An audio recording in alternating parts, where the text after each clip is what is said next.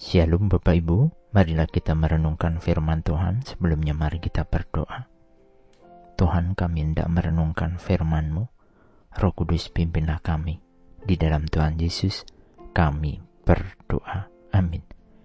Bacaan saat ini diambil dari Nehemia 1 ayat 5. Nehemia 1 ayat 5. Aku berkata, Ya Tuhan Allah semesta langit, Allah yang Maha Besar dan Maha Agung, yang memelihara perjanjian dan kasih setia kepada orang-orang yang mengasihinya dan mematuhi perintah-perintahnya.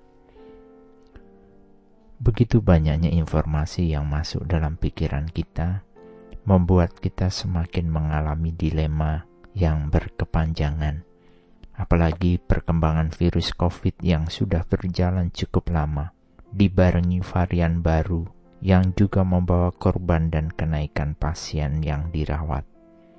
Ini semua membuat kita ada dalam kecemasan dan kesedihan. Nehemia dalam periku bacaan saat ini juga mengalami hal yang sama ketika ia mendengar orang-orang Yahudi yang terhindar dari penawanan namun ada dalam kesukaran yang besar.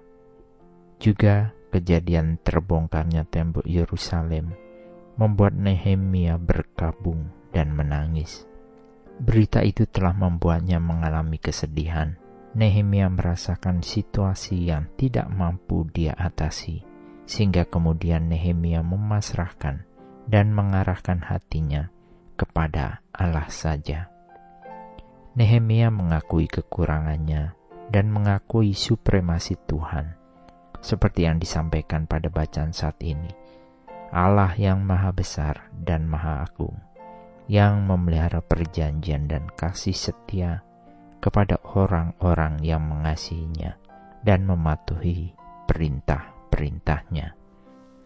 Kita diajarkan ketika kita memasrahkan iman dan percaya kita kepada Allah maka Allah akan memenuhi janji-janjinya. Allah menyukai orang-orang yang menaruh percayanya hanya kepadanya, bukan kepada kebenarannya sendiri. Kita diajarkan untuk terus menunjukkan kebergantungan kita kepada Tuhan. Alkitab juga menuliskan, ketika seseorang atau bangsa yang berpaling dari Tuhan, maka mereka akan mengalami kegagalan dalam usaha mereka. Tetapi ketika seseorang atau bangsa menempatkan Tuhan pada posisi yang benar, maka Tuhan dan rencana mereka akan berhasil. Kita diajarkan untuk terus menyelaraskan hati kita pada kesempurnaan Tuhan.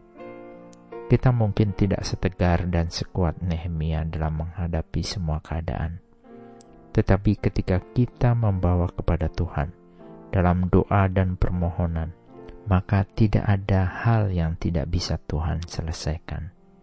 Semuanya bisa Tuhan atasi, termasuk problema kita, sakit penyakit, kehancuran hati, dan semua hal-hal yang membuat kita jatuh. Selama kita mengasihi dan mematuhi perintah-perintahnya, maka Tuhan akan bersama kita. Amin. Mari kita berdoa. Bapa Surgawi terima kasih atas keteladanan hidup Nehemia, di mana dia senantiasa mengandalkan Tuhan di setiap keadaan. Kiranya kami juga Tuhan mampukan untuk dapat melakukan hal-hal yang menyenangkan hati Tuhan saja. Tolong kami senantiasa ya Tuhan, di dalam Tuhan Yesus kami berdoa. Amin. Tuhan Yesus memberkati. Shalom.